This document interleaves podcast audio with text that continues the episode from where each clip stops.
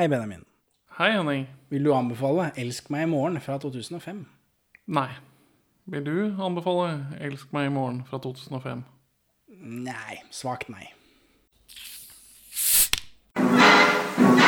Perla for svin. Velkommen til Perleforsvinn, podkasten for deg som ikke vil involvere kirken i det incestuøse forholdet du har til din mor.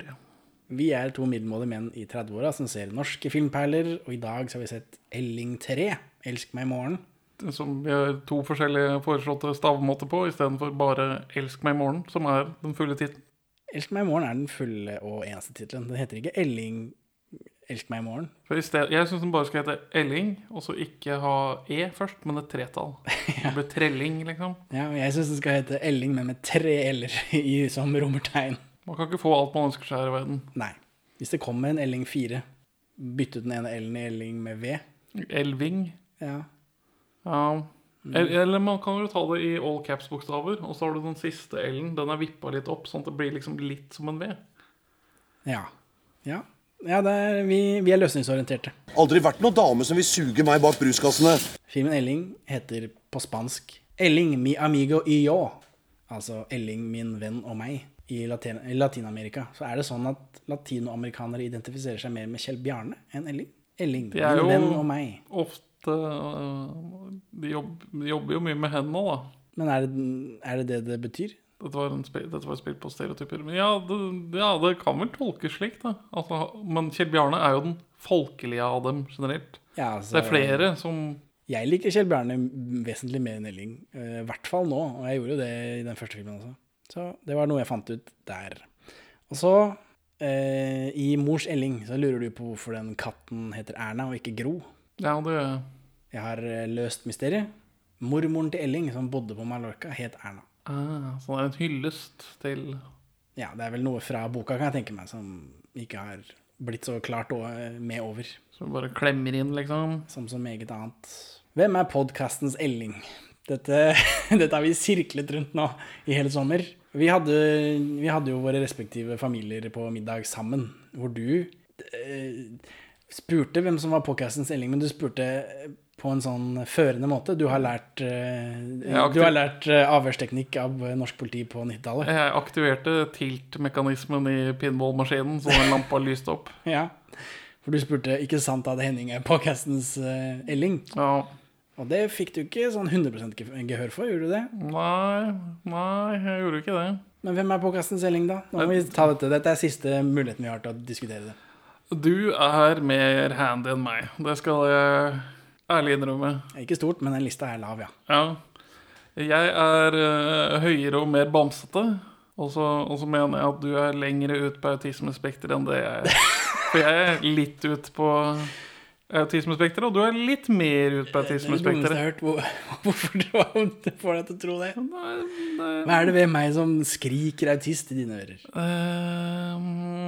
Ehm, ja, det er litt vanskelig å sette fingeren på, men så derav supersmatte. Nei, jeg- du, du jeg, jeg, jeg vet ikke hvordan, helt hvordan jeg skal konkretisere det, må jeg innrømme. Er det fordi jeg samler på ting? Er det fordi jeg hoarder ting? Det, det er én liten bit av det, men det, er- det er noen sosiale koder som jeg føler at du ikke plukker opp på. Jaså? Ja, det har jeg ikke hørt noe om. Det er Nei. ingen som tør å si. Men det, nei, det, det er jo derfor det er vanskelig å ta det over eteren. Her hvor halve Norge sitter og hører på. Ja, og fatter'n. Hei, hei, pappa. Men, eh, men altså, det, er ikke, jeg sier ikke at du er, du er langt nær på så autistisk som Elling, men eh, litt. Hva sier din samboerske, da? Hva var det hun ble enig med seg selv om? Nei, hun, hun er enig i at du er mer Elling enn jeg er Elling. Det tror jeg ikke noe på. Var ikke det hun sa når Og så beskrev hun meg når vi så filmen eh, Når vi så eh, Trelling sammen, så var hun enig i at jeg var mer sånn snill og bamsete, sånn som Kjell Bjarne er. Men, men at jeg hadde mer av Ellings intellekt. Så det er det kanskje Ja. Kanskje jeg er både dum og slem, sier Sier din samboerske. Ja, men det er greit å vite. Kanskje det bor litt Elling og Kjell Bjarne i oss begge, da. Henning. Ja, nå trekker du deg, pyse. Det har rabla for deg, eller du er møkkete i trynet. Du ser dønn sjuk ut, jo. Farv, farvekurven min er faktisk stigende. Mors Elling finner jo sted i 2002-2003, som vi vet. Ja. Eh, og jeg tror Elling er på institusjon i to år eller noe sånt nå, i den første Elling-filmen. ja, det mener det blir nevnt. Og denne filmen er jo fire år etter det igjen. Så nå er vi jo i 2006-2007. Så dette er også en eh, fremtidsfilm. Så du spor etter det? Er, det- er Nei, men her, for, eh, Den er ikke fire år etter Mors Elling. Den er jo fire år etter. ja, den er fire år etter Elling, ja. Men Og da er den jo i 2005. mor, mor dør Nei, ja, i det, mors Elling, og så blir han henta, sitter to år på Brøynes. Eh, Elling skjer. Filmen, altså. altså, for, Og så er det fire år etter dette igjen. Nå. Så det er jo seks år, det, da. Etter 2002-2003, som blir i Ja, for- nei, mitt hode 2008-2009. ja, for hvis Elling 1 foregår to år etter Mors Elling, så er det jo da i 2004 de slipper ut fra Brøynes, og så blir det 2005. Så vi er jo oppe i 2009, da. Ja, noe sånt. 2009-2010. Men det er jo kanskje en av de mest realistiske science fiction-filmene, fremtidsfilmene jeg har Ja, sett. ja, Det er jo ganske på merket. Nei, det er flere pølseutsalgssteder i Oslo enn Ja, det, er det, enn det var på tidspunktet. det er det eneste som skjer. Det er et eller annet med pølsepolitikken til, eh, til regjeringen eh, rundt 2005. Jeg tror det er Oslos byråd som tar seg mest av eh, reguleringene rundt eh, bevilgninger til til Jeg tror dette er noe, det er noe Frp og opposisjon har eh, tvunget gjennom. Pølseutsalg på eh, alle åpne plasser. Besøker de en gang i løpet av filmen den pølseboden de besøker i Elling 1? Ikke som jeg la merke til. For jeg tenkte på det når. For Kjell Bjarne går rundt og leter etter Elling på et tidspunkt. Men for den hovedpølsevogna, den fins jo ikke i virkeligheten. Nei, den står midt på Rådsplassen, eller sånn? Eller Nei, den det er på, til- til eh, høyre for Akershus, Rådhus, eh, Akershus, ja. På Aker Brygge. Ja, sånn litt malposert. Filmens, filmens magi. Film, det er jo sånn så de for seg at det skulle bli i fremtiden. Da skulle det stå en pølsebod der. Har du sett denne før, forresten? Ja, uten at jeg husker noe av det. Annet enn at jeg mener å huske at det var rart og ekkelt. Ja, jeg kunne huske at det var en Jeg husker at det var en eller annen flørt i filmen, men så huska jeg ikke noe særlig mer. Men ja, jeg husker den også som bedre. Men det, det kan hende at jeg så den rett etter jeg så Elling 2. Eller Mors Elling. Hva faen er det du egentlig driver med for tida?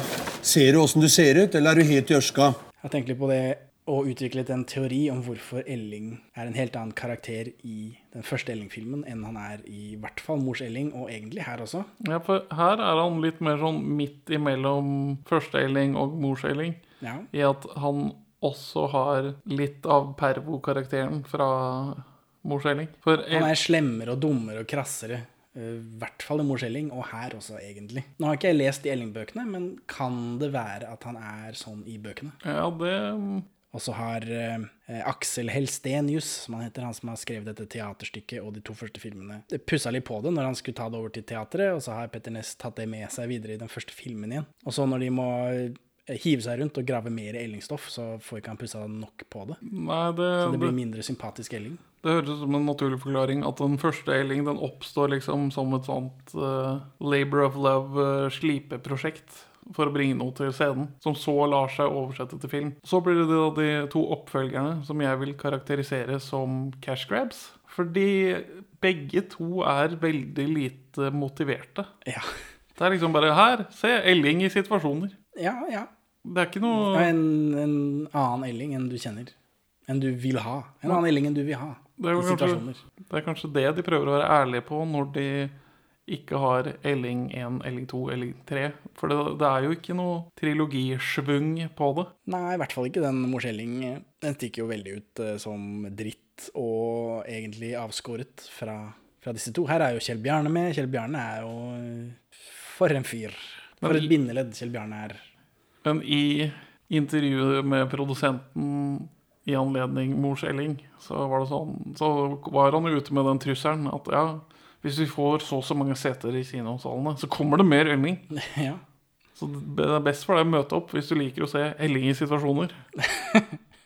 Så det er, en, det er noe jeg ser for meg er en teori jeg har, eh, uten at jeg har lest bøkene og egentlig har noe belegg for å si det. Du sorterer tomflasker, jeg sorterer tanker. Og det må du holde opp med, Elling. Frank sier at det er ikke bra for huet. Frank sa Frank sa veldig mye om før han fikk sparken fra sosialetaten. Filmen er jo basert da på den fjerde boka om Elling, 'Elsk meg i morgen'. Den fjerde og siste boka fram til ikke det var den siste boka lenger, Hvordan Ingvar Ambjørnsen bare pumpa ut tre bøker på rappen her. Filmen åpner på leilighetsbygget til Elling og Kjell Bjarne. Kjell Bjarne kommer ned trappa med en sånn festhatt. En veldig ren Kjell Bjarne, ja, det er jo noen som, eh, noen som holder den liksom i øra, da.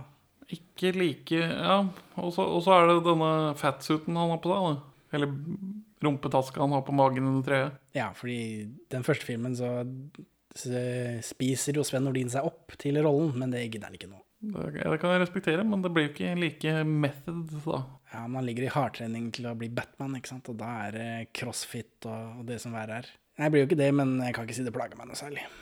Han, bare, jeg bare kjøper han litt mindre enn sist. Men han har også blitt vanna ut litt som karakter da, ved at han har fått ting litt på stell.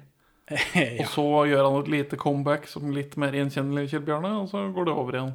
ja, nei, Reidun Nordsletten er jo eh, Det er jo hans anker i livet, da, som liksom gjør han mindre tullete. Men han kommer ned trappa med en sånn festhatt, for han vil ha med Elling på bursdagen til Mojo, som jeg antar er ungen, og det viser seg at det er det. Det, Denne spanjolungen til Reidun Nordsletten. var, det, var det sånn det var? At uh, Reidun Nordsletten ble smelt på tjukka? Han spanjol, ja? Ja. Ja, det stemmer. Han, eh, Kjell Bjarne kom jo ned der etter denne julaften og er jævlig forbanna på denne spanjolen Ja, sånn der. som bare dro fra henne. Kan være han servitøren fra Mors Elling to år senere. Mest, mest sannsynlig. Det tror jeg faktisk. Nå får vi se inni i leiligheten til Elling, og den er trasha. Elling har langt hår, det lukter dritt helt ut i gangen, tydeligvis. Det er tydelig at Elling sliter, da. Men eh, jeg syns det bare var en halvgjennomført hoarder-leilighet. Det ligger bare masse papirer rundt omkring. Ja, Det er bare masse avis som er liksom jevnt fordelt utover. Det er ikke de haugene som man liksom forventer å se. da når, Han har ikke hatt tid, kanskje. da. Det er jo Mens kjøkkenet derimot, så er det liksom søppelposer i oppvaskmaskinen. Og Ja, Reidun brekker seg når hun går inn på badet. og han har ikke langt hår. Ja, Han ligner litt på Alfons, egentlig, synes jeg. Sånn, for det er mye silhuett her. Ja, Hvor han har dette rare, lange håret og frakk på. Så, men han får ikke med seg Elling ut, da, så han går opp igjen. Eh, og Reidun Nordsletten og denne ungen feirer bursdag. Ungen er svær, så det har jo gått fire år, da. ja, det var fire lys på kaka. Det er først da, De nevner det seinere i filmen, men det er først her vi finner ut. Ja, At vi er i ca. 2009-2010. Fem år inn i framtida. Elling Timeline. Elling Extended Universe, som vi snakket litt om tidligere. her. Men han er klar over at han ikke har livet sitt på stell. For han driver jo og fabulerer om at hva, hva er det med alle disse menneskene? Hvordan klarer de å ha denne eksistensen på stell? Ja. Og late som ingenting? Det skjønte han ikke. Nei, for Elling kjører trikk, det er ikke noe stress. Togpodcast, Ja, sporvognspodkast. Sporvognspodkast. Og han ser masse folk som er kjærester, og snakker om dette, da. Og så Han fungerer jo Fungerer relativt ute blant folk. Han går, han går, ja, og så går han rett fra å være ute og se på folk han, ja, altså, han ikke noe, reagerer ikke noe på de andre rundt seg. Sånt. Så går han rett hjem og ser på porno. Lolas han- Crazy Cunt, en serie jeg ikke kjenner til. Ja, jeg har hele serien her inne på eh, i DVD-hylla. Eh, Men det er ikke noe det pornogreiene er ikke noe for han, tydeligvis. For han liksom Ugh, whatever. Det funker ikke. Eller? Han reagerer ikke som Kjell Bjarne ville gjort. Ja, hva er Hva er dette? Er dette for han, Dette er rett etter at han har snakka om at disse menneskene forholder seg til hverandre, bla, bla, bla. Er dette et eh, fåfengt forsøk på å forholde seg til andre mennesker, på en måte? Observere andre mennesker som forholder seg til noen i, har, i andre situasjoner? han har vel oppgitt over stillstanden i livet sitt. Da, at han liksom han har, Eller det jeg tolker vel ut av at det går så dårlig med Elling, er at han, han, han eksisterer Elling er avhengig av å eksistere i en tosomhet. Så nå som Kjell Bjarne har flyttet ut, det er vel der forfallet begynner, da. Men det virker som han har fungert en stund også, for denne ungen vet jo hvem Elling er. Det har ikke gått, han har ikke vært fire år inne i leiligheten uten å snakke med Kjell Bjarne. Nei, nei, men det har vel eskalert på et eller annet tidspunkt, da. Jo, jo. Men vi, vi, får, vi får vite litt vel lite om Ellings indre liv. Det har vi egentlig gjort hele tiden. Det er én sånn throwaway setning om at han har angst som har for- forfulgt han hele livet, i den første filmen, som jeg syns gjorde jobben for den filmen. Men senere så er det jo veldig mye som mangler, da. Ja, Hvorfor går han ikke ut med søpla? Ja, han er ute hele tiden. Ja, For tar han ikke med seg søpla? Han som er en sånn gropetimeter. ja men Når slutta det? Hva Han har fått et sammenbrudd, da. Altså, kanskje han har kommet seg litt igjen. Han får ikke sove, sier han senere. Ja, Det er noe, jeg tipper det er noen bokrester, ja, fordi dette sammenbruddet blir jo bare eh, Kjell Bjarne ordner det, fordi han kan alt, og så er det ferdig. Eller? ja, eller Og så skjer det noe helt på slutten, men det, da får han et sammenbrudd igjen. Men jeg vet ikke om det er sånn der møkke seg ned-sammenbrudd. Det blir kanskje det hvis han ikke har sin bjørne rundt seg, som han heldigvis har på slutten av filmen. Uansett, eh, Elling har prøvd seg på porno, er ikke noe for han. Så er han ute igjen. Han vandrer rundt. Eh, Og så kjøper han en pølse med alt. Wiener. Han får to pølser, av- to pølser av Mariann Saastad Ottesen i den pølsebua. Og det er nok til at han forelsker seg som en creep. Og Mariann Saastad Ottesen Hvis ikke jeg tar 100 feil, så er det hun som er den sextelefonstemmen i eneren. Er det det? Jeg tror det. Jeg har prøvd å google meg frem til det, men det er jo umulig siden hun er med i denne Elling-filmen. Så det er det eneste jeg får opp. Men det, men det står ikke i rulleteksten. da Vi får jo flekke opp den. da Ja, nei, jeg tror ikke det står noe den, av den sextelefongreiene i rulleteksten. Men det, der, skal jeg, der, skal jeg ta og prøve å høre på ved neste anledning. Ja, jeg klipper det vel inn her, antar jeg. Å, så fint det var du ringte. Jeg bare elsker sex. Nå sitter jeg her og koser litt med meg selv. Å, å, kyss puppene mine. Nei, nei, ja, stopp. Å, så stor og fin pikk du har. Ja. Jeg har aldri møtt noen som har blitt bortført av en ufo før. Ja, da fikk vi svar på det. yes! Flott. Eh, Men han forelsker seg da, og så er han tilbake i leiligheten, og da viser det seg at han har pølsa ennå. Så han har jo tydeligvis Ja, det- gått og drømt seg bort, og så er det sånn throwback til den første filmen. Da. Det er jo callback til den første filmen. Men, men i denne sekvensen her så er det, det er mye godt spill fra Elling. Eh, Per Christian eh, Ellefsen. Per Christian Ellefsen. For altså, det er veldig my- mye. Bestevennen din, du kjenner, dere kjenner hverandre. Ja, nesten. ja, veldig kort bacon-nummer til han. Eh, men det er veldig mye tette nærbilder hvor han får gjort sånn smått finurlige ansiktsuttrykk og sånt. Altså, jeg føler ikke at han verken over- eller underspiller. Men Jeg tror han er Elling på fritida òg, uten at jeg kjenner han. ja, jeg, jeg, jeg- spur, jeg spurte min samboerske om det. Han, han, han er litt som Elling, bare ikke fullt så Elling. Jeg har truffet en ung kvinne, sier jeg. Det tror jeg ikke noe på. Elling går på Rema. Og Her er dette har Rema betalt for, føles det som. For her er alle logoer vendt mot kamera.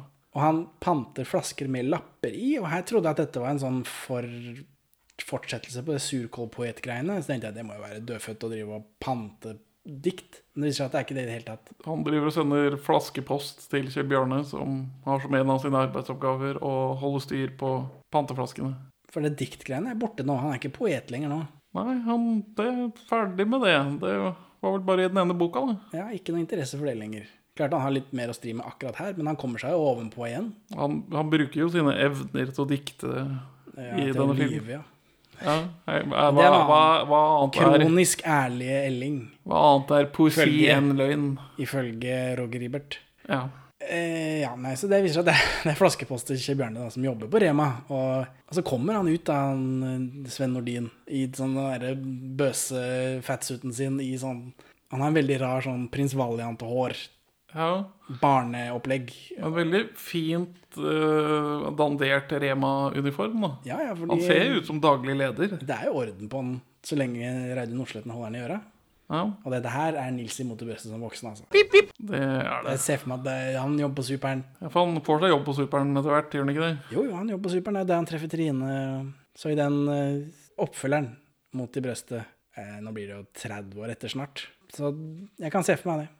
Mot i brøstet skrevet av Tore Ryen. Har du noe, eh, noe dritt på Tore Ryen? Jeg har noe dritt på Tore Ryen.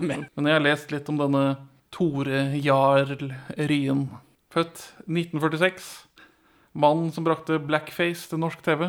Eh, Påstand eller eh, fakta? Fakta. På ordentlig. Han er den første som gjør det på norsk. Ja, ja, altså, du, du, får, innslag av blackface i, eh, i norsk teater og i aviser og hva enn det ja. er. Men det første tilfellet av blackface jeg finner på TV her i 1969 på Skjemtegauken. Ja, det er Et program sånn ledet av Harald Tusberg, skrevet av Tore Ryen, blant annet. Men der, eh, klipp til Tore Ryen som synger i blackface. Mine damer og herrer, sort og hvit minstrelshow! En liten muntermelodi som vi er så forelsket i. Den er så lystelig og bli. Du husker vel den? Så altså det, det er jo det han burde, vil bli husket for om noen hundre år. For 1984, det er liksom Tore Ryens år i media. Det er da han er mest diskutert og dukker mest opp. For Tore Ryen i intervju Han driver og fremstiller seg som en sånn Som en sånn unorsk type som får til ting andre trauste nordmenn ikke får til. Han er den første som vil fortelle at han har vært i Hollywood. Uansett hva du spør om. Ja, for det, duk, det, det nevner han alltid. Altid. La oss sitere Wikipedia her. Etter dette var han bosatt i California i 80 år. I 80 år. Jeg har lest 80-tallet samtidig. Etter dette var han bosatt i California i åtte år. På 80-tallet hvor han jobbet for Aaron Spelling. Det stemmer. Ryens første inntekter av betydning kom fra læremester Spelling. Ok, hvilke inntekter? Hva, hva Her har vi jeg noen supplering i den Mot i brøstet-episoden vår, tror jeg, uten at jeg husker det i farta.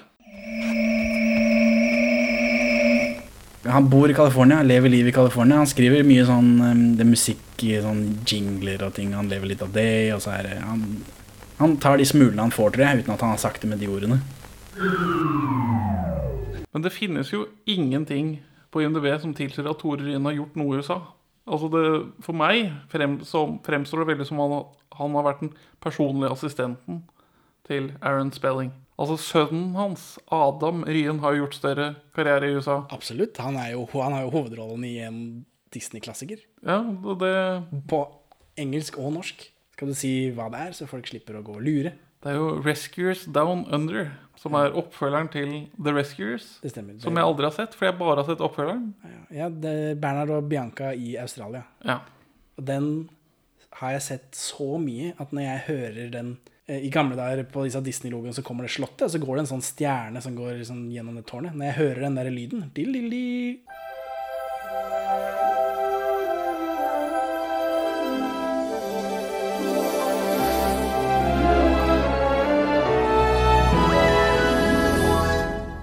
Da får jeg den Bernardo Bianca i Australia-følelsen. ja.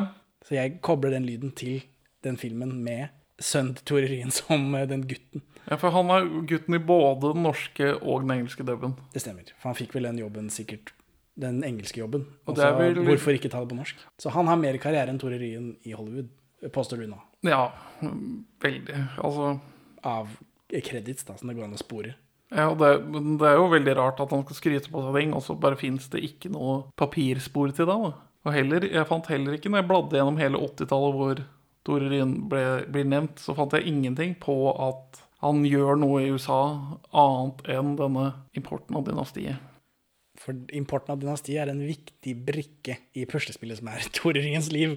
Tore Ryens løgnaktige liv. Ja, for, for Hvis vi tar igjen fra øh, Wikipedia her, så står det Han fikk nemlig videorettene til dynastiet i Norge. Og dette, dette, denne store inntekten av betydning, det føles veldig ut som Tore Ryen har skrevet sjøl.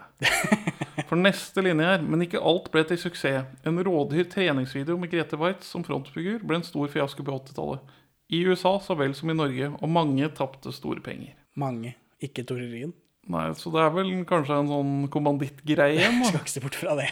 Men Kommanditt eh, snakker vi vel om i Orans belte-episoden. Nå har jeg lyst til å lese en veldig tjukk paragraf fra den norske Wikipedia-siden om serien Dynastiet, for her er det name-dropping over hele fjøla. Dynastiet var i de første årene meget kontroversielle i Norge. Stein Roger Bull, som var underholdningssjef i NRK på den tiden, forteller at det ble en voldsom krangel internt i NRK etter at filmavdelingen nektet å kjøpe inn Dallas. Han beskriver prosessen som et smertefullt generasjonsskifte, og beskriver videre at da NRK fikk tilbud om Dynastiet, sa jeg klart ifra at min avdeling kom til å kjøpe serien om de ikke gjorde det. Altså Så det ble kamp innad i NRK for å For å suge til seg dynastiet. Dynastiet var med på å gjøre NRK klar for en konkurransesituasjon som måtte komme, sier Bull. På Dagsrevyen måtte TV-sjef Otto Nes forsvare at han hadde gitt etter for folket. Det var Jon Michelet som var den sterkeste motstanderen av serien. Han satt på tiden i Kringkastingsrådet og ville ta serien, som han beskrev som glatt, spekulativ og kynisk, av fjernsynet. Ja, det er for, dette er på 80-tallet. Det er før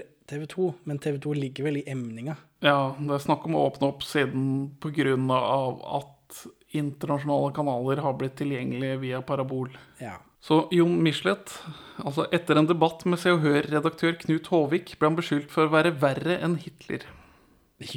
Jon Michelet verre enn Hitler. Ja, Ja, ja. Ikke han maoist, var ikke det vi kom fram til under ordet han spilte? jo, det er korrekt. Og man kan jo måle Mao som verre enn Hitler hvis man tar det i en Ja, jeg tall. på det. Det er kanskje der sammenhengen Se, se og Hør-redaktøren hadde et poeng, ifølge eh, podkasten Perleforsvinn. Til tross for sin motstand mot serien forhindret det ikke Michelet fra å reise til USA i 1985 for å intervjue Pamela Sue Martin, som spilte karakteren Fallon. Michelet ble på denne tiden kjent som Norges fremste dynastihater. Rolf Wesenlund forsvarte serien med en helsides kronikk i Dagbladet. Sentralbordet til NRK smeltet nesten, erindrer Berit Rinnan, som jobbet i NRK da denne dynastiet gikk på lufta. Men det eh, no relations, eller? Det må jo være Altså, Du, du vil gi fra deg navnet Jeg ville gitt fra meg navnet uansett, kanskje. ja, det tror jeg. Men altså, dynastiet var jo en, Hvorfor skal jeg endre navnet mitt? Det er han som er drittsekk. Det er han som bør endre navnet. Henry Rinnan, altså. Ja, det er sant. Han rakk det kanskje ikke. Han fylte ut papirene før de skøyt han. Ja. En undersøkelse fra august 1983 viser at 45% av norske befolkningen brukte å følge serien fast, mens 31 så den en gang imellom. 24% svarte at de ikke pleide å se på. Og, men uh, undersøkelsen viste videre at eh, det var de som ikke så på serien, var de som ikke pleide å se på TV. Så hvis Ja. du så på TV, så så du på Dynastiet. For NRK fattet at de ville bare kjøpe inn de første tre sesongene av Dynastiet. De ga seg etter det. Og det var her Tore Ryen så sitt snitt. Altså Hvor mange sesonger er det, da?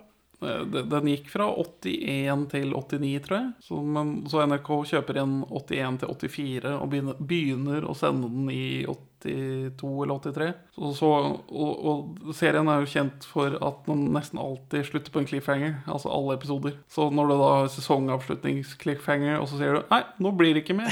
Ferdig. Her kommer Tore Ryen vi I blackface. I blackface. ja.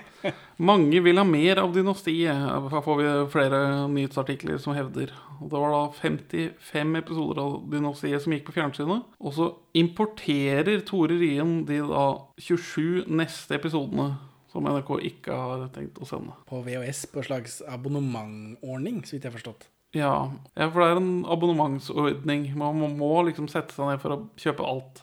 Eller ingenting. Eller betale ekstremt dyrt for enkeltepisoder. Er- Med en gang det tilbudet eksisterer, så sier Tore Ryen til A-pressen millionene strømmer inn.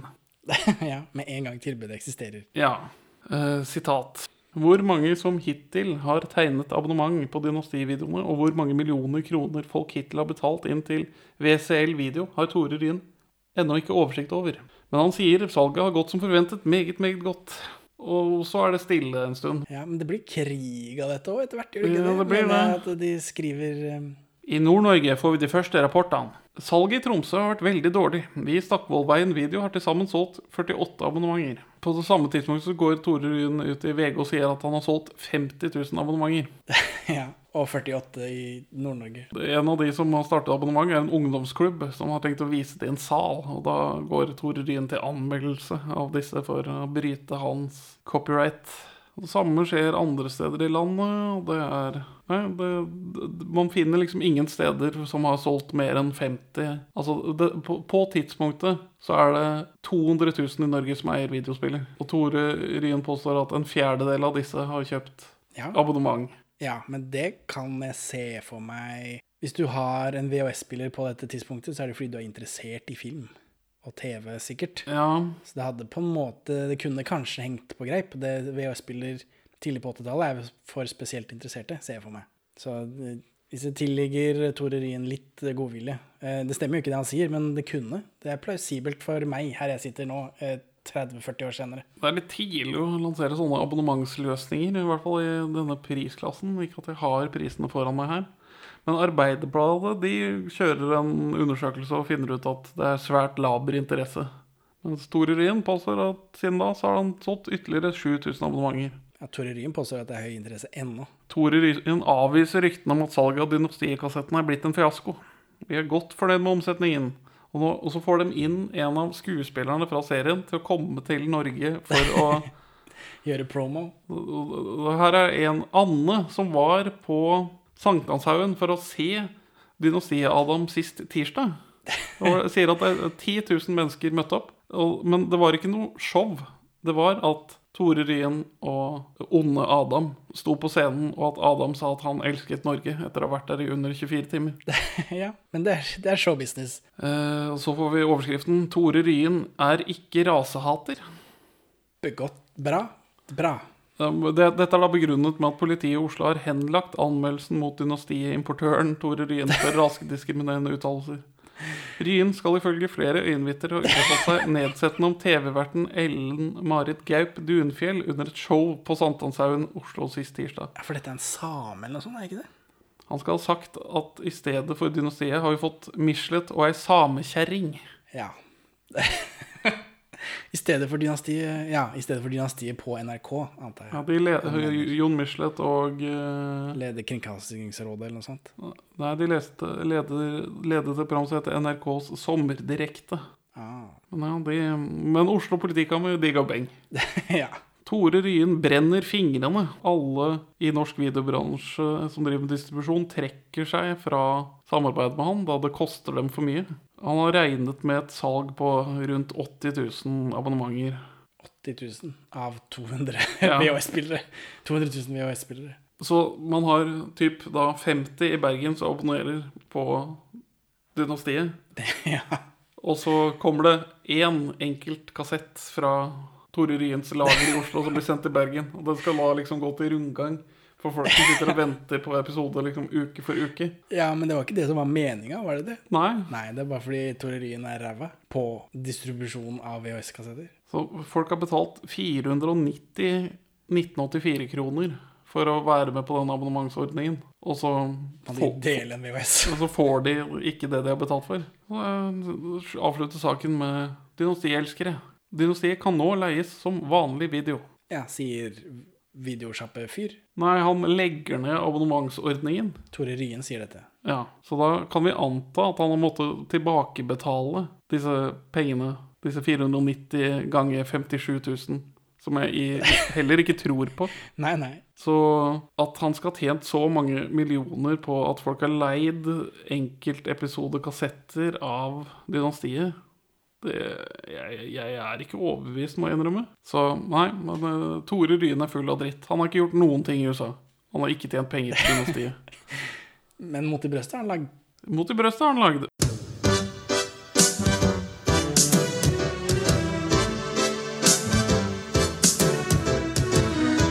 Men tilbake til Elling, da, eller?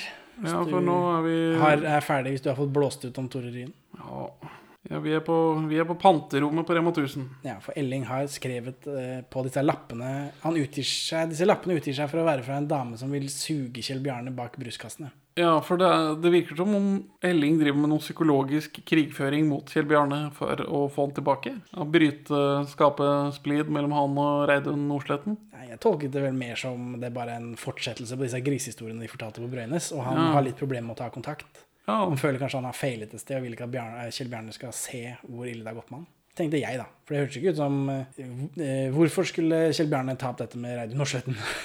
han er jo idiot, da. Faen i helvete! Kan jeg få en forklaring? Faen i helvete! Så da får Elling komme inn i Kjell Bjarnes rike av tomme flasker. Ja, for når Elling legger på den flaska med lappen i, så styrter Kjell Bjarne ut fordi Faen, jeg visste det var deg! ja, han har jo ikke sett Elling på månedsvis, tydeligvis. Og Kjell Bjarne sier at Elling er møkkete. Han drar, seg med, drar han med seg inn på bakrommet. Og Kjell Bjarne vil være kompis, sånn som før. Koselig, koselig fyrer han Kjell Bjarne. Kjell Bjarne har jeg savna. Ja. Eh, Men, og så blir Elling plutselig veldig fascinert av den pantemaskinen, og Kjell Bjarne er like fascinert. Ja, ja, det er gøy med pantemaskin. Jeg, jeg stiller meg bak det. Ja, ja, Kjell Bjarne elsker å jobbe med dette fantastiske maskineriet. Kjell Bjarne elsker jobben sin, han elsker Reidun Nordsletten, han elsker ungen. Men- Kjell Bjarne har det bra. det. Det virker til å starte med at han har litt sånn arbeidsutplassering. Ved at han bare er på panterommet. Men vi får, vi får, han forteller at det er ikke det eneste han gjør der. Nei, han stabler jo esker Det og virker som han har en vanlig eh, jobb i Rema 1000. ja, Ikke helt vanlig er det nok ikke. Og, Nei, han sitter jo ikke i kassa, liksom. nei, men det virker som han gjør alt annet. Ja, altså det er Det jobber folk som ikke er helt som alle andre på min lokale Rema 1000 også.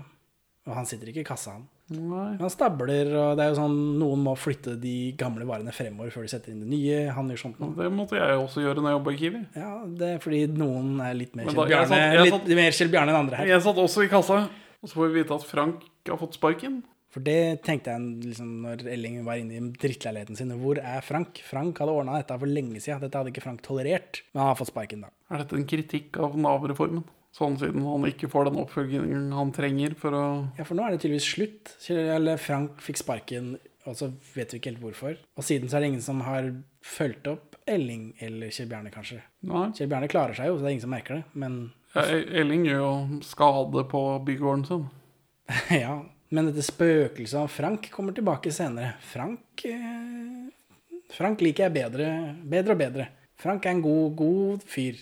Han har jo oppfordret Kjell Bjarne til å ta vare på nøkkelen Ja. nede til Elling, for, i tilfelle det skulle skje noe. For Frank kan se inn i framtiden. Han vet at dette er noen raringer som trenger all den hjelpen de kan få. Ja.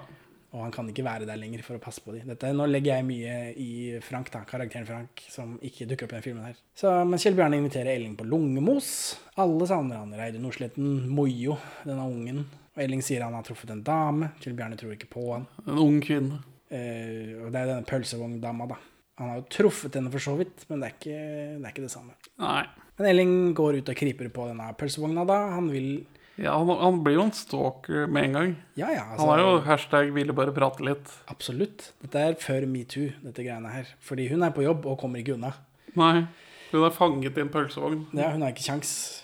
Eh, men her sånn så står han og så stirrer han på den pølsevogna, samtidig som han har monolog i huet. Hvor han vil at staten bare skal arrangere ekteskap mellom han og, og denne pølseboddama. Mm, men nå eh, Han sier kan ikke de staten bare slutte å blande seg i ting, men ordne dette for meg? Er, er det liksom frivillig å gå ensom? Hva? Er han, men hva har skjedd med hans forhold til eh, sosialdemokratiet? Han var jo veldig, vært veldig pro det. Altså, det- har knekt for han, det også. Ja, det virker som hele Han er ganske skilt fra Arbeiderpartiet. Jeg vet ikke om han føler seg svikta av staten fordi det har gått så ille med han, eller Det kommer ikke fram så godt, annet enn disse små dryppene av at han er ikke, han er ikke så positiv til, til sosialdemokratiet som han pleide å være. Så han syns at staten blander seg i ting, men han skulle ønske at de kunne ordne, arrangere et ekteskap for han. Det er ikke bra. Så er det Fade til Elling som blir vekket av Audun Nordsleten på sofaen. For hun og Kjell Bjarne har brutt seg inn i leiligheten hans, låst seg inn da Kjell Bjarne har nøkkel. Og Kjell Bjarne klikker fordi det er så jævlig der. Du har blitt en sånn pertentlig Petter, du, Kjell Bjarne. Jeg har ikke hørt det uttrykket før, men det klinger jo litt. Så Reidun Nordsletten og Kjell Bjarne friker ut begge to, egentlig, for at det er så jævlig det er sånn. Ja, eh, Elling virker litt skamfull. Ja, men så er, han har jo den der heve seg over folk-måten å beskytte seg på, uansett. Ja. Så, men Elling har tatt vare på det huset han fikk av Kjell Bjarne. Så du det? Nei, det så jeg ikke. Det er der. Men har det det fint, da? Mm. Så har det, hvordan har det det kontra andre ting i leiligheten? Ja, det er helt. Det er helt, ja. Ja, ikke fullt av dritt. Det er bra. Det liker jeg. Så, men Kjell Bjarne sier at de må pusse opp fra bunnen av, så han ordner vel det også, da, han som er eh, det, Ja, skal, Interiørdesigner er han blitt. Det er liksom, det er ikke måte på. ja, for nå skal han tvangsbades, Elling. Og så møkkete som eh, grønne helvete. sånn fin shot fra taket med Kjell Bjarne som sitter oppå toalettlokket mens Elling er i badet. Ja, og kjefter på han. Ja, og så snakker om at han Kjell Bjarne ga bare tilbake den ene nøkkelen han hadde. Ja, fordi Frank sa at han må ta vare på den sånn i tilfelle det skulle skje noe. Riktig eh, instinkt, Frank. Og så kommer det frem at Elling ikke får sove. Men det ikke noe problem. Reidun har røde piller. Men hadde ikke dette vært et tidspunkt å ta med Elling til legen for å sjekke om han har mark? Om han må på kur? Om han må ha sånn lampeskjerm? Ja, men For denne, denne behandlingen de utsetter han for, er den rotet til noe? Og bare fôre han opp på piller sånn at han sover hele tiden? Det tror jeg ikke, men det virker ikke som altså Kjell Bjarne er jo utdanna både jordmor og lege, eh, men det virker ikke som Kjell Bjarne i sin oppvekst har eh, tatt med syke folk til legen. Nei. Jeg tror ikke han har det i referanserammen sin.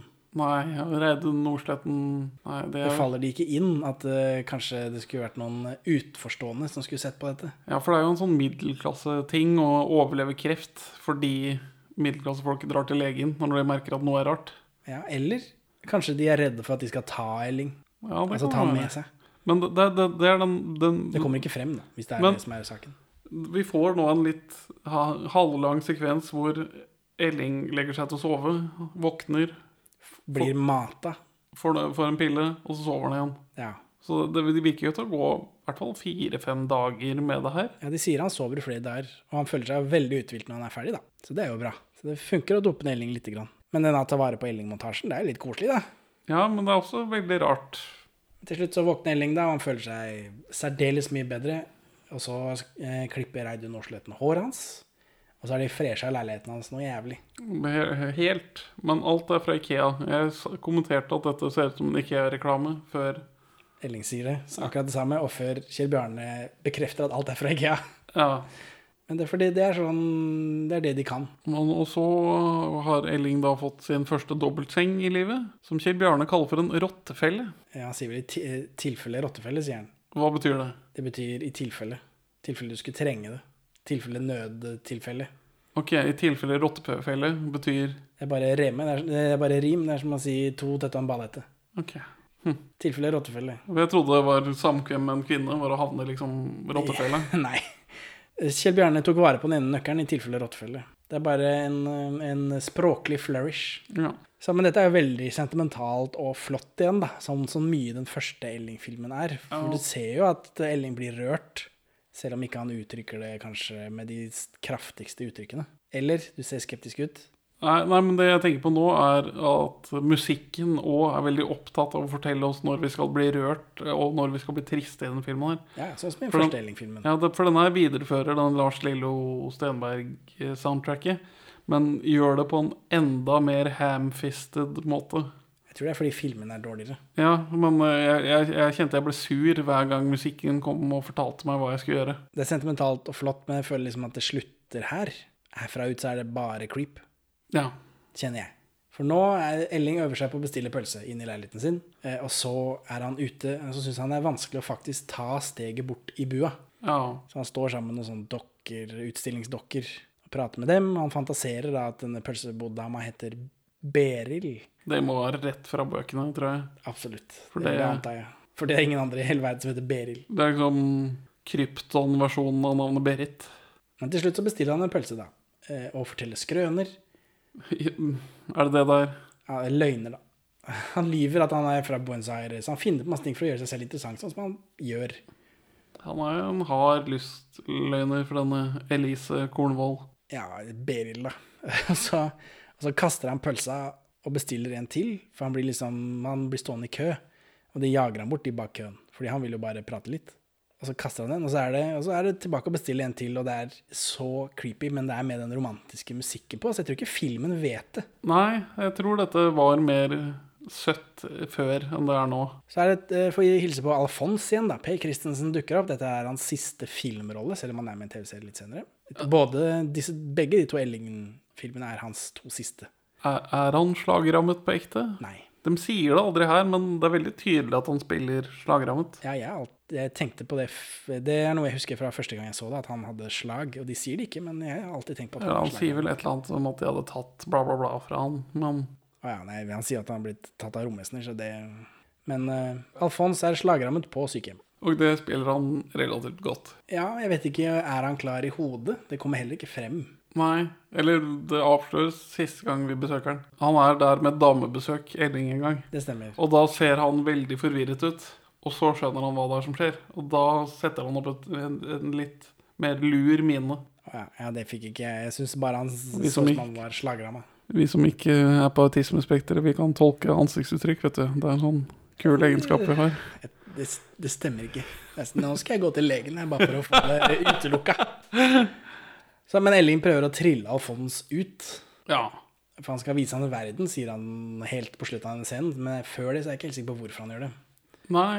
Eh, og, men her er Elling For Elling er helt over seg da, at han er så forelska i Beril, denne pølseboddama. For her er, nå er Elling opptatt av sex igjen, sånn som han er i Mors Elling, og Ja. ikke i Elling-Elling. Problemet mitt er at jeg ikke har hatt sex i ungdommen, så energien tyter ut på alle andre måter. Har det tatt han så lang tid, kanskje, å begynne å bry seg Nei, han, mor Elling så er han jo veldig opptatt av sex. Ja, det er det eneste han tenker på hver gang han ser en kvinne. Eh, men nå, her snakker han litt om sånne sosialdemokratiske verdier, når pleierne stopper han fra å stjele. Ja. Negativt igjen.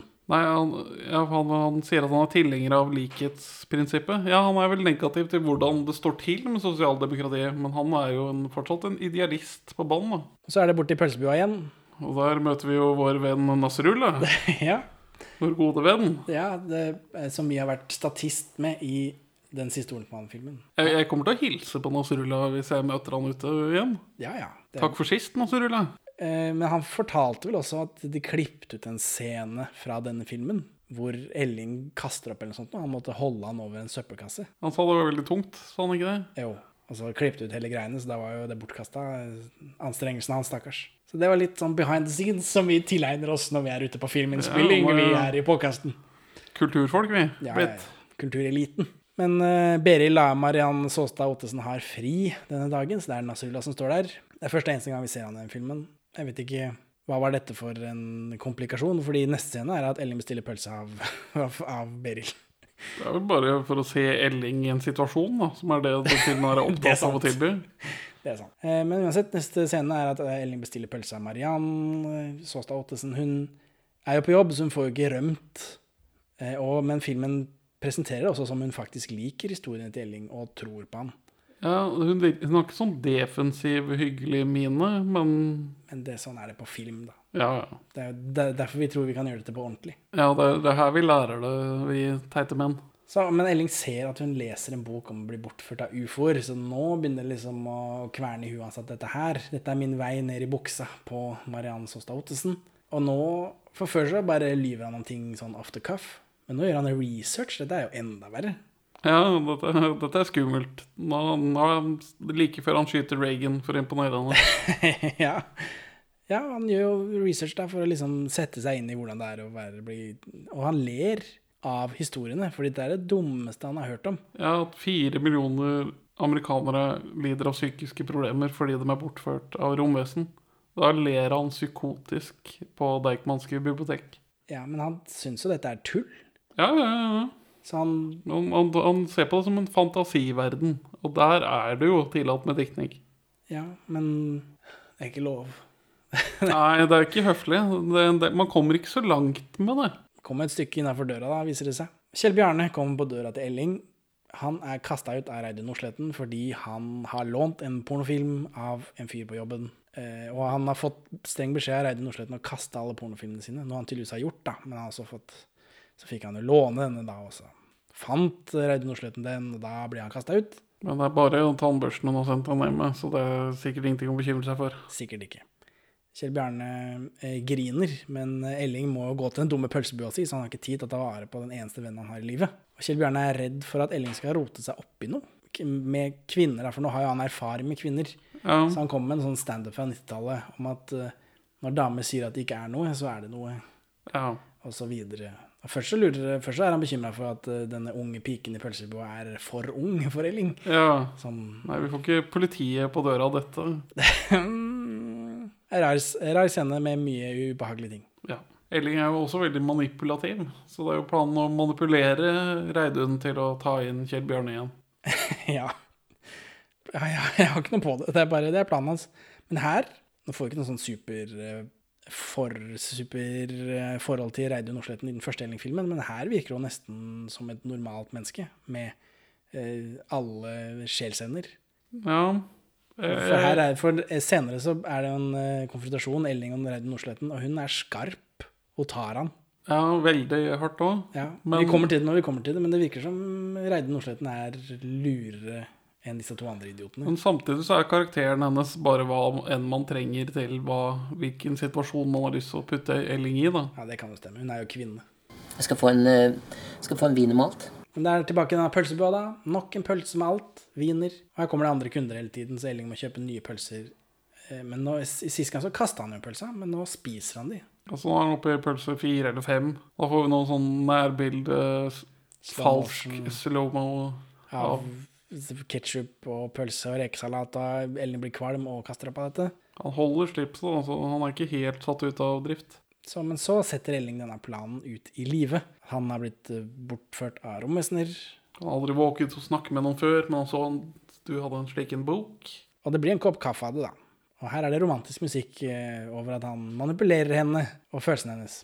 Men så drar Elling hjem til Kjell Bjarne. Kjell Bjarne vil ha tilbake den pornofilmen som, eh, fordi han hadde lånt den av en fyr. Han er veldig trist på denne fyren sin vegne. At han ikke får til at, Eller det er jo selvfølgelig veldig trist om du låner bort noe til meg som har verdi for deg, og så får jeg låne det, og så blir det borte i min uh, varetekt. Det er et veldig brutalt brudd på den kontrakten. ja. Ja, på tilliten. Så det veier Kjell Bjarne tungt for brystet.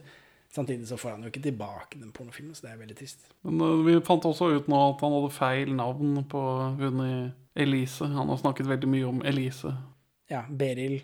Eh, og så ser han den boka, og der står det Elise i den boka. Men det viser seg å være tanta til Mariann Såstad Ottesen, som heter Lone Eller hun, karakteren pølseboddama, heter Lone. Det finner vi riktignok ikke ut av før her. Elling sier at Kjell Bjarne må kjøpe blomster og skrive brev til Reidun Nordsletten. Det skal liksom være, det skal være så åpent som mulig. Åpenhjertig som mulig. Så sårt som mulig, virker det som. Og her kommer en sånn Kjell Bjarne syns det er dumt med den dobbeltsenga, og Elling blir fornærma for hvorfor skal ikke han Klart han skal pule også, uten at han sier det med de ordene. Men så er det fordi at Kjell Bjarne vil jo sove på samme rom, sånn som i gamle dager, ikke sant? Eller om å dele, dele seng. Humor. Ja, eller, men Elling bare Ja, ja, kom, da. Inviterer han opp i senga. Koselig, vet du. Gutta boys, nå er de sammen igjen. Elling vet jo ikke hvor internasjonal er, så dagen etter så må de to apekattene gå og finne det. Ja, de bare går rundt. Ja, de finner jo til slutt, da. Ja. Jeg, jeg tipper ikke Bjarne spør, jeg, for han er ikke så Hei, hvor i faen er internasjonale? eh, Og så kommer de frem, men nå har Elling plutselig angst igjen. Hvorfor det? Er stedet for hipt? Ja, det blir for fremmed, da. Han Men han blir også veldig Han angster for møtet som skal skje i morgen på dette stedet. Ja. ja, det virker mye med det at det er liksom nervøsitet. Ja, At det plutselig liksom Nå er det ekte, på en måte. Nå vet jeg hvor jeg skal. Kanskje. Det, men nå legger vi ting i filmen da, som ikke den forteller oss. Ja, det er litt sånn underfortalt. Elling trenger råd fra Kjell Bjarne om kvinner. Det er ikke så Nei, det er feil fyr å spørre. Ja, Greit nok at Alfons ikke snakker så mye, men er Kjell Bjarne mann, mann uten ord? Er det Ja, for han lurer på hva Kjell Bjarne sier da når Reidun Nordsletten Hvis han har venta på Reidun Nordsletten et sted, og hun kommer, hva sier du da?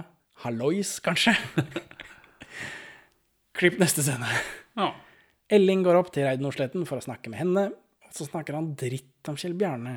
Han forklarer jo senere at det er fordi at det fungerer motsatt når noen andre sier det. ja. Det kan jeg kjenne meg igjen i. Det kan være en vei å manipulere noen på, å skape motreaksjoner. Ja, men, men han kommer jo høres Han virker jo veldig drittsekkete. Veldig. Han maser også om at eh, Kjell Bjarne er sexgal. Han sier mye stygge ting om Kjell Bjarne. Denne er godhjertet gorillaen, han er en sexgal apekatt eller et eller Ja, ja. For Reidun Nordsletten har jo bøsta at det er han som har skrevet det brevet. Og her kommer det også frem at det er den pornofilmen er selvfølgelig bare begeret som får det til å renne over. Dråpen. Ja, Elling sin andre gang han retter på noe sånn pirk i å si uttrykk feil. Ja, andre og siste. Ja, det er ikke, ikke ikke så veldig gjennomgående, men bare litt. Eh, Men dette vitner jo om at Reidun er et normalt menneske. Det er ikke bare den pornofilmen, det var mye annet også. Og så var det den pornofilmen på toppen. Mm. At han har så mye rot, men det, det virker Jo, jo, men det er rot. Det kan stå for alt mulig rart. Ja, men det bare Og og så ser hun rett igjennom Elling og dette det greiene Elling driver med. Og hun gir han rett og slett kjeft. Og det takler ikke han så godt å få kjeft av en kvinne. Eh, Og ja, hun virker veldig urovekkende normal til å bare henge med disse to idiotene. Ja, Så man er jo tilbake på natta. Elling sliter, han er nervøs, for han skal jo eh, på date i morgen. Og han eh, står opp hver time, teller hvor mange timer som er igjen, tar en Vival, går og legger seg. Og så er det dagen etter, da. Og så har han tatt fire Vival. Aldri mer fire Vival på tom mage eller noe sånt. Fastende hjerte. Fastende hjerte. Nok. Så han holder på å sovne dagen etter på den, kafé, på den kafeen, men det gir ikke noe sånn kjempeutslag, annet enn at det er vanskelig for han å ta med en øl til bordet. Ja, men det er vel mer på nervøsiteten utover noe annet. Var det det? Jeg fikk følelsen at det hadde noe med Viv- Vivalen å gjøre. Men Vival vil jo dempe, og ikke føre til at Hva du var rister. poenget med den Vival-greien da? Han sovner ikke. bare det at han så ut som en junkie som hadde sovna ved bordet når du kom. For han sitter jo med hodet sånn bretta sammen. Ja, men, men hun påpeker jo ikke noe på det. Det kommer ikke frem. Ja, men hun er jo en veldig åpen type. Veldig ukritisk. Men øh, her får vi noen sånne gode sånne Elling-gloser. At han øh, akker seg over at han har fått byens eneste ærlige øltapper. Når han har fått sånn hinne på glasset av hvor fullt det er. Ja, for du mente vel at den første var så fryktelig sånn sitatvennlig. Ja, de prøver på det samme her, men det blir liksom bare to-tre. Det er jo tatt fra boka, antar jeg. Ja. Så de har prøvd å plukke gullkorna, da, men så vet ikke hva som har skjedd. Ja. Så Elling sitter og lyver siden han har blitt bortført av aliens, og Mariann er interessert. Lone, da. Pølsedama er interessert. Han står i hvor han var på jakt sammen med Alfons. Ja, det er jo bare løgn alt sammen, så jeg har ikke giddet å notere det.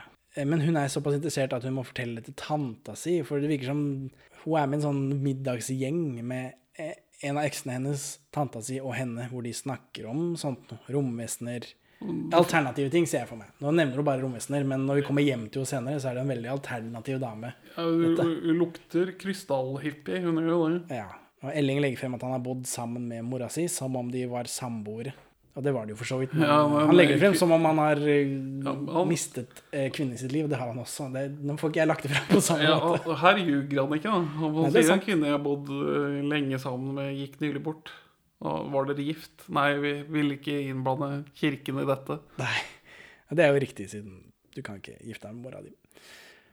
Mariann inviterer da Elling med i denne prategruppa som hun har med eksen og tanta. Og Elling friker ut og stikker, for han takler ikke så godt at hun har ekser.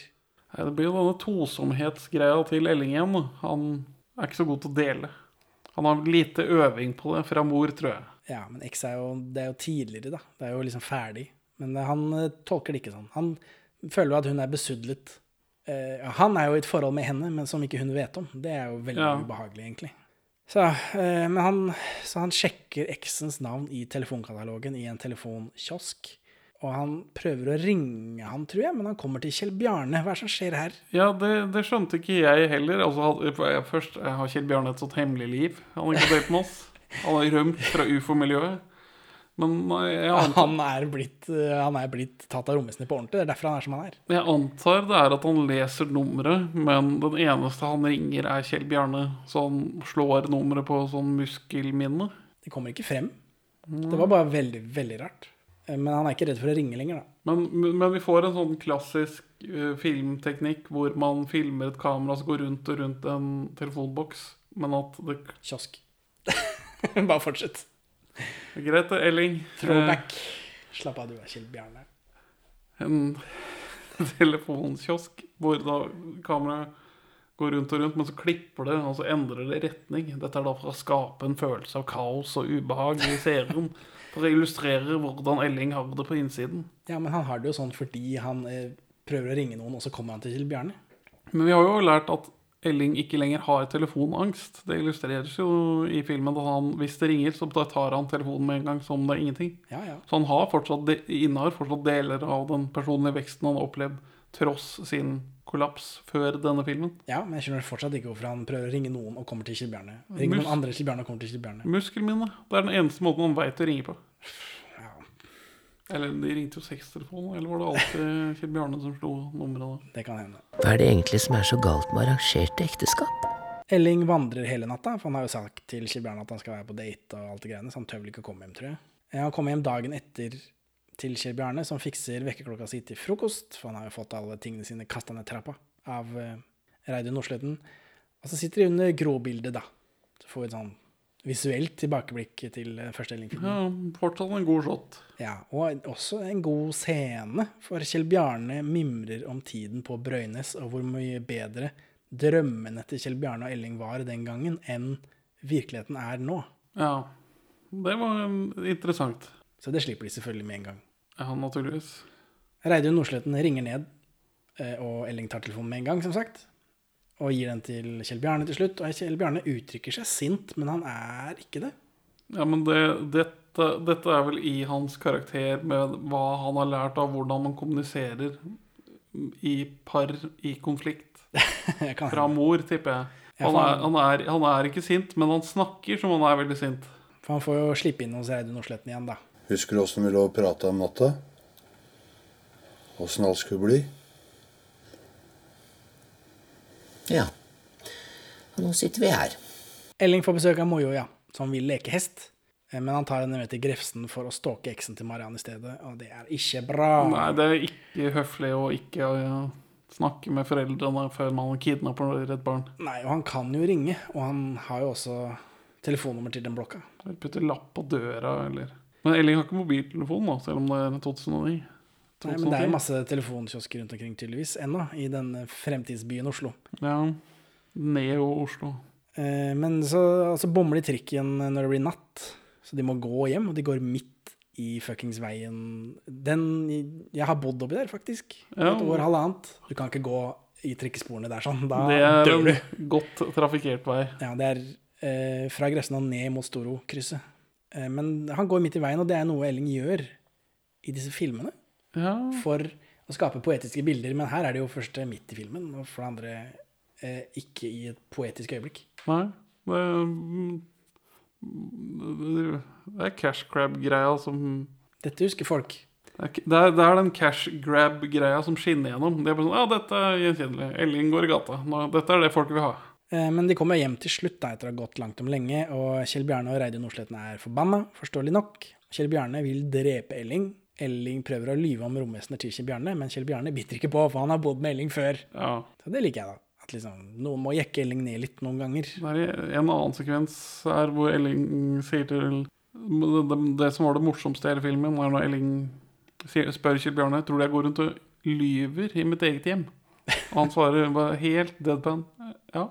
Det var veldig gøy. Men her sånn så virker det som om Reidun Nordsletten har gitt Kjell Bjarne et ultimatum, at det er enten Elling eller henne, og han velger denne familien, da. Eh, liksom, bra, godt valg, men han liker det ikke, og det virker ikke som det har skjedd senere. Nei, men det, det kan jo være en sånn affektgreie som Reidun har sagt mens hun sitter og lurer på hvor barnet hennes er. Ja, det er klart. Igjen på det å ikke ringe til legen. Dette er også et tidspunkt å ringe politiet på. Og når klokka er etter, tre timer etter leggetid for barnet ditt, da er det sånn kanskje på tide å Barnet mitt er borte med en raring. Dere må eh, finne den. Nå må du skjerpe deg! Ja, men det er sant, Kjell Bjarne! Det er sant! De forsøkte å bortføre oss i et romskip! Nei, Elling, nå er det nok! Ja.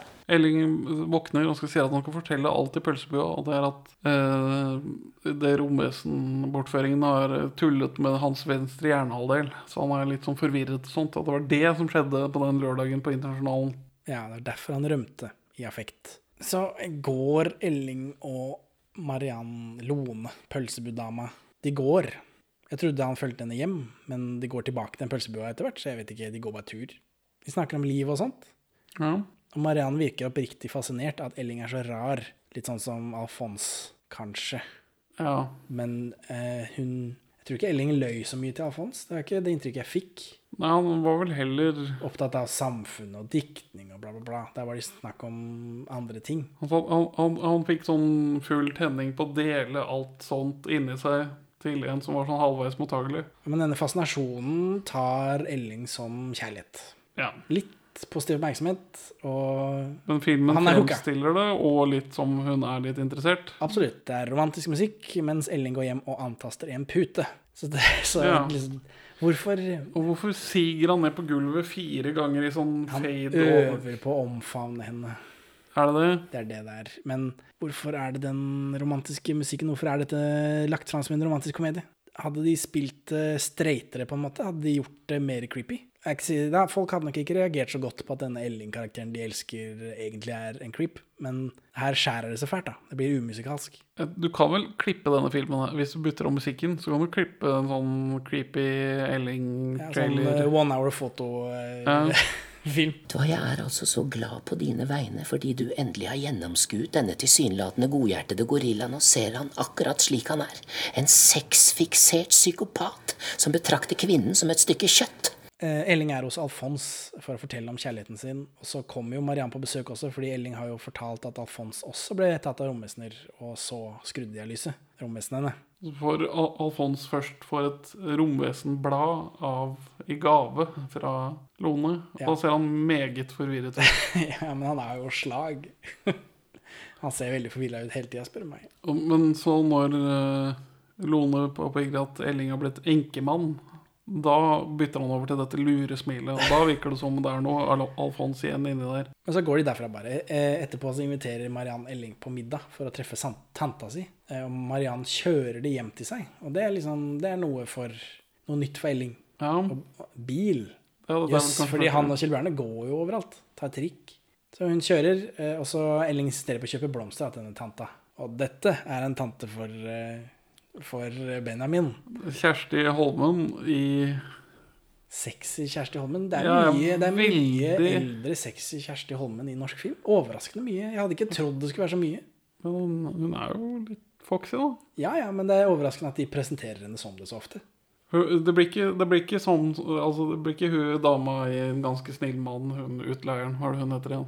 eh, Jorunn Kjelsby. Det blir ikke- hun, hun, hun er jo ikke Jorunn Kjelsby. Hun, hun klarer jo å av den kåte, gamle tanta-greia hun kjører i den filmen der. Ja, og i En ganske snill mann. Ja, det, er litt mer classy her. Og i eh, Kvinne i mitt liv. Ja, Det er litt samme karakteren, egentlig. Sånn hippie-type. det blir eldre Kjersti Holmen-sommer neste sommer, Ja, jeg. det er det jeg sier, at det er, eh, det er rart at det er så ofte. Det er, ikke, det er ikke noe i veien med det, men det er rart at norsk film tar seg bryet med å portrettere denne kvinnen som er over 30, som så flott. Så ofte. Det, er- det er jo egentlig veldig hyggelig, da. Ja, det er positivt. Men det, er bare, det er mer positivt enn jeg hadde tenkt. Ja. Så men det er Kjersti Holmen da, som er den tanta til Mariann, og hun er foxy lady. Og nå minner det mer om Elling i Mors Elling. For det første, han, han blir bergtatt av henne med en gang. Og sier at 'nei, jeg har ikke tid til å ta deg på stuebordet nå'. Det er, Han sier det inni seg. ja, det er Lone jeg elsker. Så, men Kjersti Holmen, under denne middagen så graver Kjersti Holmen i løgnene til Elling. Ja. Men, i Elling god, er... men i god tro. ja. For hun tror på han og liksom lurer på flere detaljer, og hun kjenner litt til dette. Og da må Elling liksom vri seg unna. For Elling har ikke sjekka med kart om dette stedet han snakker om, faktisk eksisterer. Nei. Så han får litt problem når hun har hytte i området. ja. ja. eh, Men han får vridd seg unna, da. Så det var jo litt dumt at ikke de liksom gjorde noe mer med det. Og kameraet snurrer rundt bordet, eh, og er det en kult, dette? Virker litt kultaktig. Det lukter litt kultish. Det lukter litt sånn, men, det, men altså alternativmiljøet i Norge er jo enormt svært, og det er sikkert en del av dem som henger sammen og kun fokuserer på ufo-greia. Ja, det er jo en kjempekult. Eh, men mens dette skjer, så er det romantisk musikk. Det er slow-mo, og så er det et puppeshot midt i ingen steder av brystet til Marianne Saastad Ottesen. Påkledd, da, heldigvis, men rart. Men det er jo sånn Elling er blitt etter den første Elling-filmen, da Mariann inviterer Elling på kaffe på rommet hennes, og Elling rømmer til toalettet. Og så hjemme i leiligheten så prøver Kjell Bjarne å få kontakt med Elling, men han er jo ikke hjemme, da. Og Reidar Nordsletten er lei av at Kjell Bjarne maser om Elling hele tiden, men hun er hyggelig for det. Hun skjønner at disse- disse to idiotene har et bånd som hun må forholde seg til, som ikke hun får brutt. Det er, Ja. viktig, det er viktig for Kjell Bjarne at Elling har det bra, og Kjell Bjarne er viktig for Reide Nordsletten. Derfor blir Elling også viktig for Reide Nordsletten Ja. via Kjell Bjarne. Virker det som her. Som et voksent, eh, tenkende menneske. Virker det som Reidun Nordsletten er. Så Kjell Bjarne stikker av gårde for å lete etter Elling rundt omkring. eh, Uten noen sånn Eller han har jo en slags eh, slagplan, men Han sjekker eh, det er vanskelig når ikke du har noe spor. Ja, han sjekker internasjonalen, og så går han fra pølsebu til pølsebu. Ja, og han er innom Alfons. Ja. Spør har Elling vært her. Nikk hvis han har det. Altså, får, han ser et nikk. Om det stemmer eller ikke, er vi uenige om. Og så sier han bare ja, bra, og så går han igjen. Så, så man, for det er ikke noe mer, får ikke mer informasjon ut av Alfons, han kan ikke snakke. Nei. Så, men Elling er jo nå kommet seg inn på rommet til Mariann Saastad Ottesen og drikker kaffe og konjakk, som han ikke drikker. Og så får han se bilder fra et ufo-seminar, og Elling syder over av sjalusi absolutt hele tiden, hver gang han ser en mann i albumet. Det, for dette er vel filmens antiklimaks? dette er liksom toppen? det er veldig toppen. ubehagelig. Ja. Det, ja, det topper seg her, da. Altså, Elling klikker, da. Han er, han er fæl. Og nå skjønner liksom Mariann at Ah, denne kokomannen jeg har tatt med inn, han er gæren, han. Ja, da, Det ender jo opp med at hun henviser til en annen ekskjæreste. Og det er vel det som får det til å bikke over for Elling. For han Han syns vel hun er en skjøge, da. Han takler ikke at hun har eh, vært sammen med andre. Har du Fordi gitt deg hen til Ben og Sven og Klaus Otto? Ja, fordi hun skal være pur for han, eller det, Han er en, en fæl fyr, bare. Fæl fyr. Og så henviser han til en, en eller annen gangbang-rekordforsøk-pornofilm fra 90-tallet, om jeg ikke tar helt feil. Hvor en pornoskuespillerinne prøvde å sette verdensrekord i antall partnere på under tolv timer. Det var vel et røsk eh, på et visst tidspunkt hvor det var en sånn verdensrekordgreie hvor de drev og overgikk hverandre. Ja. Uten at jeg har eh, gått så dypt i det. Nei, men Men nå skal jeg gjøre research. Nå skal jeg rett hjem og gjøre research. Det er litt sånn som disse Steven Ackles og sånt, når de synger Elvis så lenge som mulig. Og så er det en som slår rekorden, og så er det en annen som må gjøre det uka etterpå. Så det var jo litt sånn, da. Ja. På et tidspunkt der. Og så har det liksom glidd litt bort av en eller annen mystisk grunn. Men dette er i Ellings sin referanseramme, så Ja, for han Nå vet vi jo at han har sett porno, i det minste. ja. Så, men heldigvis da, så, så hiver Mariann Elling ut, og det er egentlig digg at Elling nesten får en sånn reality-sjekk. De var ikke sammen, han hadde ikke noe romantisk Det virker som han forstår det når han blir kasta ut, eller? Ja, Men, men hun er litt på flørteren. Altså, i, I filmens språk så gjør hun et poeng ut av å invitere ham på rommet, og så gjør et poeng av at ja, det, er, det er veldig fint å bo her for uh, tante Elise. Hun lar meg holde på som jeg vil. Hun kommer aldri og forstyrrer. Det er, no, det er en sånn som blir slengt ut. Ja, hun sier jo det, men Og så gjør hun den samme den liksom, ja, Nå skal vi se albumet sitt, og så blir det sittende lår mot lår. Og dette er klassiske eskalasjonsteknikker i datingverden. Ja, men dette det, Men vi får aldri noe helt tydelige tegn på at hun er interessert i Elling utover i hans ufo-fortelling. Nei. Og jeg leste på en sammendrag av boka på Wikipedia, og der er Elling finner albumet. Så det at hun tilbyr albumet, er noe filmen har lagt til. Ja. Så det er mulig de vil gjøre dette mer romantisk komedieaktig. Eh, Men han blir kasta ut, og så er det sånn trist musikk, som er veldig unødvendig, siden Elling er en pikk. ja. Og, så, og så prøver han å liksom gripe fast i den illusjonen som var brast. Da, ved å si at jeg, kan ikke, det, jeg, jeg vil elske deg, men tiden er ikke moden. Kunne jeg fått en, en, ukes utsettelse? Eller, eller kanskje i morgen? I morgen blir det bra. Elsk meg i morgen. Ja. Ja, det kommer aldri et skikkelig title drop. Nei, men det er den, da. Ja. Og så kommer Elise ut og spør hva det er som skjer, og så puster bare Elling tungt, og så er det kleint, og så går han. Det er ikke verdt det for å putte, Det er ikke verdt å putte tittelen på den scenen her. Nei. Hva skulle tittelen vært, da? Trelling? Ja, Elling? Elling med tre l-er. Det hadde vært tusen ganger bedre. Hele tida har vi sett at Kjell Bjarne driver og tråler byens pølseboder, for han leter etter Elling. Og så finner han til slutt, da, fordi Elling har liksom satt seg ned der hvor han pleier å stalke eh, Mariann i pølseboden sin. Og Kjell Bjarne griner av lettelse, og så tar han med seg Elling hjem. Og Elling har vel tydeligvis fått et sammenbrudd, eller sånt. Han kan plutselig ikke gå. Så, bærer, så Kjell Bjarne bærer han, da. Midt i veien. Og så Siste scene er Elling som sitter på en benk med pledd på seg. Og her trodde jeg liksom Har de satt ham på institusjon? Det hadde, Ja. vært, eh, det hadde vært en bra slutt. Men nei. Kjell Bjarne setter seg ved siden av. Uh, han er der, Reid Nordsletten er der, Mojo er der. De leker litt sånn i, i bakgrunnen. Elling gir tilbake den ekstra nøkkelen til Kjell Bjarne. Film slutt. Så Benjamin, hvorfor vil ikke du anbefale denne filmen? Nei, den Det kjennes jo bare ut som den er lagd for å øh, få folk til å kjøpe billetter, og ingen annen grunn. Det er ingen som har noe lidenskap for å lage en Elling-film. Altså, Ellefsen øh, nyter kanskje å traktere den rollen, for det gjør han ganske godt. Men rollen blir veldig hul av at den puttes inn i disse siste to meningsløse fortellingene. Ja, Per Christian Ellefsen er jo også den eneste som er med hele veien, fra teater til denne filmen. Ja, Både regissører og andre skuespillere er bytta ut. Og kommet tilbake noen ganger, men eh, ja. Petter Ness er jo tilbake nå etter å ha dritt seg ut i Hollywood, tror jeg. Ja. Med en sånn annen autistfilm. 'Mozart and the Whale', med Josh Hartnett som autist. Mer om det i eh, Bare Bea, tror jeg, episoden vår. ja. Så ja. Hvorfor ville du ikke anbefale, sa du? Nei, de nevnte. De nevnte. Det, det, det, det fungerer ikke. Det det er ikke. Elling som karakter er ikke sterk nok til at han kan stå helt fritt, som det liksom føles som her. Altså, Ikke at den første filmen henger sammen helt perfekt, men det er liksom en søt nok liten historie til at jeg er med på laget dens hele veien. Men nei, eh, jeg går ikke og venter på Elling 4. Elling 4 Elling 4-boka, Elling 5-boka, da, det blir jo den femte Elling-boka, eh, så er jo Kjell Bjarne død. Så du kan jo glede deg til Elling helt alene Å oh, nei. For det passer så bra. Så Henning, hvorfor vil du gi denne filmen en, et svakt nei? Nå som vi snakker om det, så blir det jo et eh, helt vanlig nei. Men før dette så tenkte jeg jeg er jo sånn passe underholdt. Det bare er ikke noen grunn til å se denne filmen. Fordi det er, det er dårlig, men så er det samtidig så er det Kjell Bjarne dukker opp.